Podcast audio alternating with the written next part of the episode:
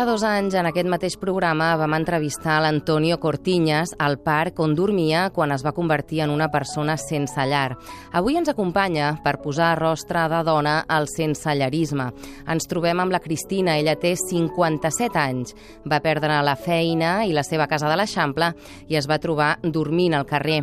Avui ens convida a conèixer el que temporalment s'ha convertit en la seva llar, al carrer Creu dels Molers de Barcelona, a Sant Joan de Déu Serveis Socials, un lloc que l'Antoni també va freqüentar durant la seva etapa de vida sense llar. Bueno, el que m'importa és que quedar amb l'Antoni que m'expliqui el secret per veure com ho ha aconseguit i que faci d'exemple i ho fa el mateix i tira endavant. El secret només hi ha un, no perdre mai la confiança en tu mateixa. Si caus de la bicicleta, Tornes a aixecar. et tornes a aixecar. Vale. Que fa mal? Bueno, i què? Continua. Pues vinga, si querem en la bici. L'Antoni Cortiñas ens explica la incertesa que es viu quan no saps com moure't al carrer. No saps com funciona el carrer. I és quan tens que anar fixant-te què és el que fan els altres, perquè els comences a identificar. Mm. I és quan te n'adones de que, ostres, l'home aquell que ahir estava dormint, aquell caixer, avui està recollint una terrassa i li donen un entrepà. És supervivència pura i dura per Sí. passar el dia, és una passada.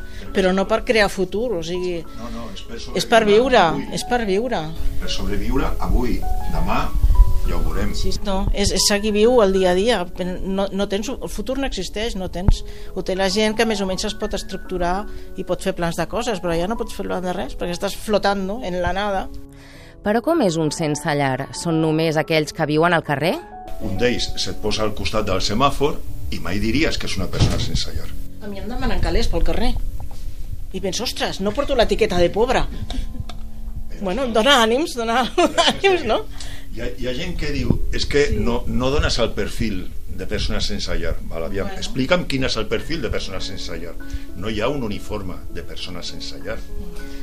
Albert Sales, eh, investigador i assessor de l'àrea de drets socials de l'Ajuntament de Barcelona, insisteix que els sense llar no són només la gent que veiem dormint al carrer.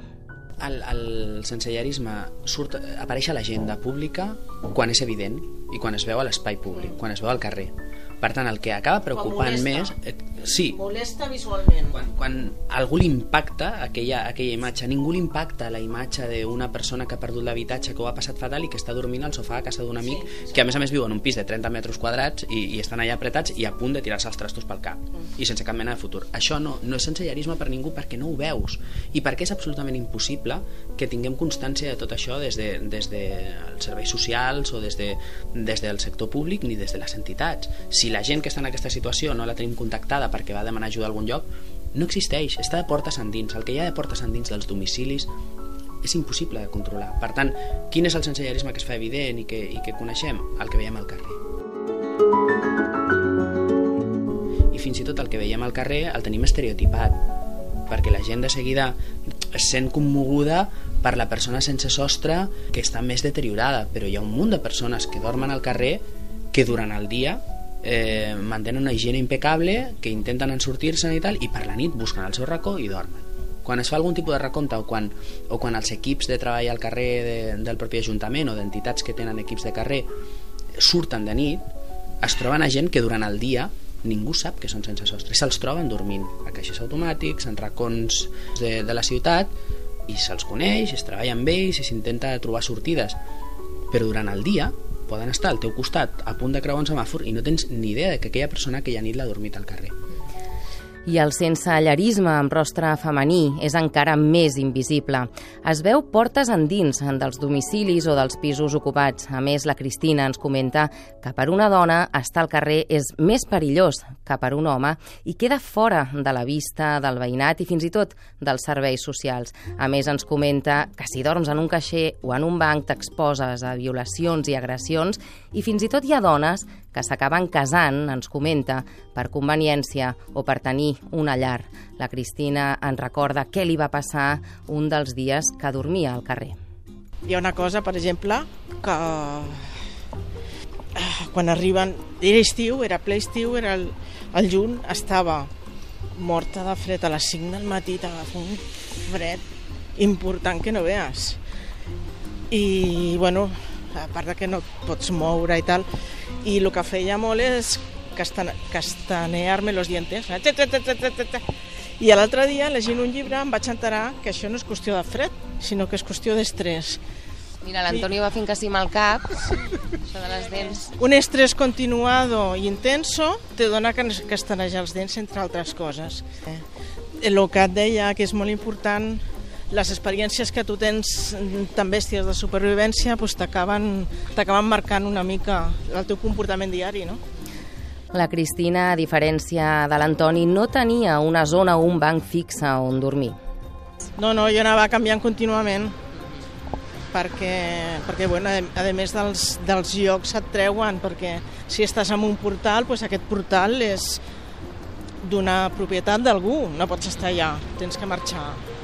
O sigui, fer-te visible el mínim possible perquè no, perquè no et diguessin alguna cosa, aquí no podes estar o el que sigui. En un entremig, el que feia és un entremig entre molt entre que passessin molta gent i, i jocs abandonats, no sé. Però bueno, cadascú s'ho munta com pot, no? I, I anaves sempre sola? Sí, sí, sí. Per això que et deia que segons amb qui t'ajuntes tens que assolir eh, les coses que fan els altres, no? Dius, és que jo no tengo culpa, que lo hacen los otros, però si tu formes part del grup, pues també te menges lo bo i lo dolent al carrer té morts, però no, no, pots, no pots descansar, no pots sentar-te, no pots, no pots fer res. No... És que físicament, ja no dic mentalment, físicament te mueres.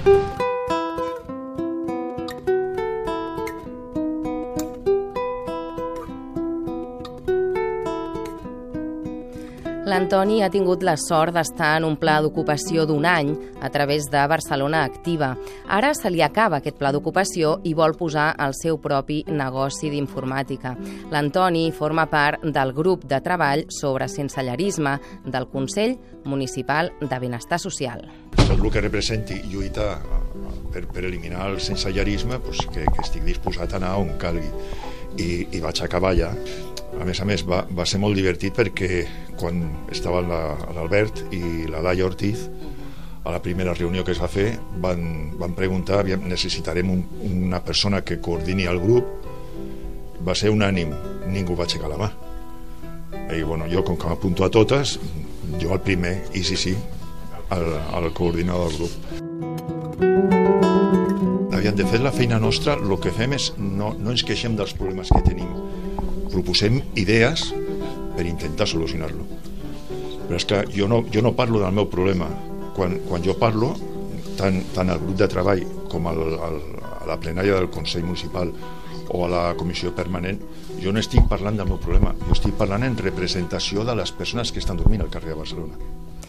Tornem amb la Cristina a Creu dels Molers, on poden dormir-hi, però en poden estar-s'hi només 135 dies, i aquests dies van en augment. Laura Guijarro, responsable d'incidència de Sant Joan de Déu Serveis Socials vale? que ha augmentat respecte a l'any passat.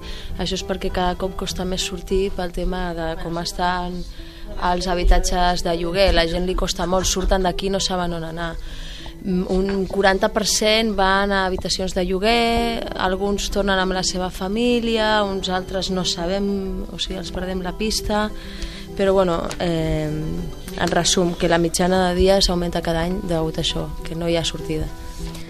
Guillermo Ameyugo, responsable de comunicació de Sant Joan de Déu, comenta que des del centre apliquen el programa Primer la llar, el Housing First. Un percentatge molt alt de les persones ateses aquí continuen el seu camí cap a la recuperació amb un pis d'inclusió.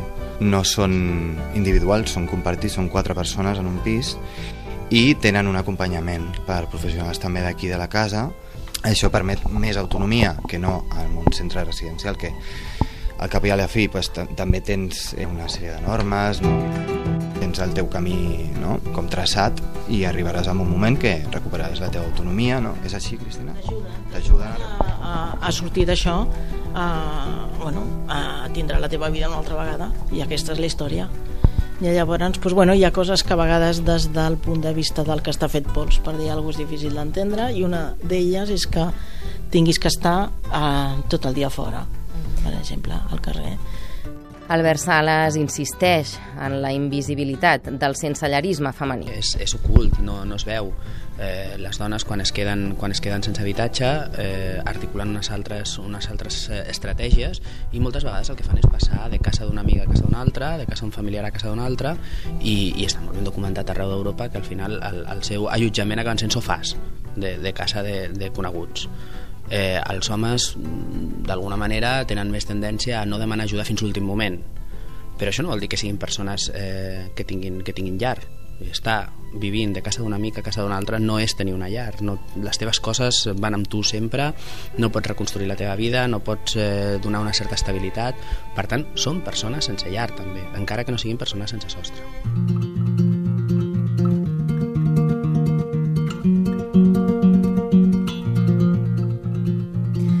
Hem pogut entrar a veure l'habitació individual de la Cristina, on només hi va a dormir, i té quatre coses, les que considera essencials. Durant el dia la Cristina se'n va a les biblioteques públiques per perfilar el seu currículum o enviar correus i fer gestions amb l'administració. Ens convida a fer un vol. Vale, mira, per aquí se surt i jo vaig agafar l'abric i ara vinc. Dona'm una volteta. Vale, gràcies. Fins ara. Procuro mm, mantindre la il·lusió del dia, no, no ser elàstica i no fer sempre el mateix. Depèn de lo que tinc que fer o si tinc que buscar un paper o alguna cosa, doncs tinc una cita, doncs ja vaig allà o, o això que et deia de la biblioteca. Va perdre el seu pis a l'Eixample i ara, dormint a Creu dels Molers, el seu barri és el Paral·lel.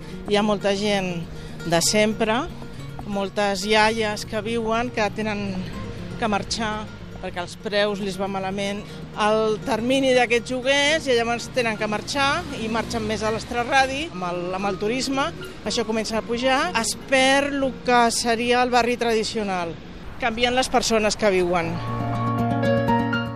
O sigui, eh, organitzacions veïnals que fan coses, aquí és molt maco, fan moltes coses, però això s'està desfent. Comencen a pujar els joguers i la gent té que marxar.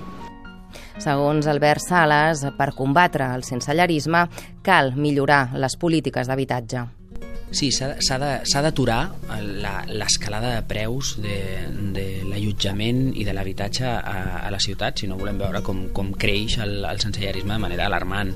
Eh, si no hi ha sortida dels equipaments perquè la gent a través de l'ocupació o a través de la protecció social, perquè hi ha prestacions també, pot haver una, pot haver una, una PIRME, una pensió no contributiva o una renda garantida de ciutadania que, que s'està posant en marxa ara, però les quanties no donen per accedir a, a l'habitatge. Llavors el que ens acabem trobant és que persones amb feina o amb uns ingressos acaben o residint en, en un centre i havent de fer la seva, i, havent, i sortint a fer la seva feina o aconsegueixen una habitació però llavors no els queden diners per res més i han de continuar anant a menjadors socials si volen menjar.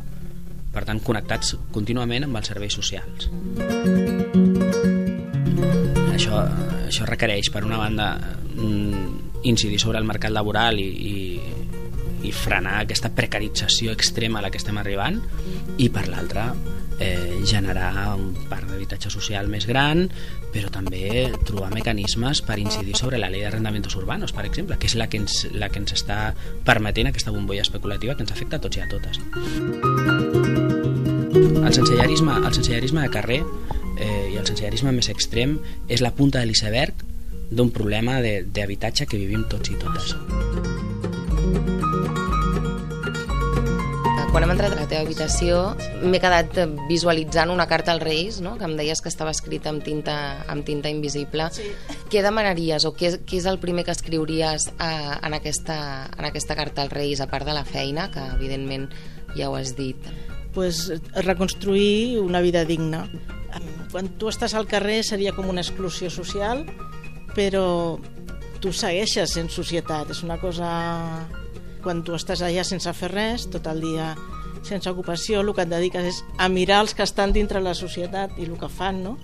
I si el que t'adones és que la gent en, se preocupa per coses que no són essencials. Hi ha molta gent amb molta pressa, molt agobiada, una societat molt agressiva i que estem en un lloc molt maco, que surt el sol cada dia i que ens, ens deixem de preocupar per tonteria. Tens, tens les teves il·lusions, la teva família, qui la tingui, amb els nens o el que sigui, pues viu això i, i tot el que tens pues amb, amb alegria i, i amb amor, per dir d'alguna manera. No, no és res nadalenc, és una cosa que s'ha de mantindre cada dia. És el que deia abans. Eh, difícil no, és molt difícil, però no és impossible. S'ha de començar a caminar, res més. Que es fa molt, molt, molt empinat, bueno, però de mica en mica, però s'ha de fer. Ahí vamos. No, no soc ningú per recomanar res, però li comentaria, li faria una observació. La primera vegada que la Marta em va entrevistar, al cap de sis mesos, estava entrant al Consell Municipal. Un enlairament de, de pel·lícula, o sigui que... bueno. Escolta, ja, quan, quan ens tornem a veure?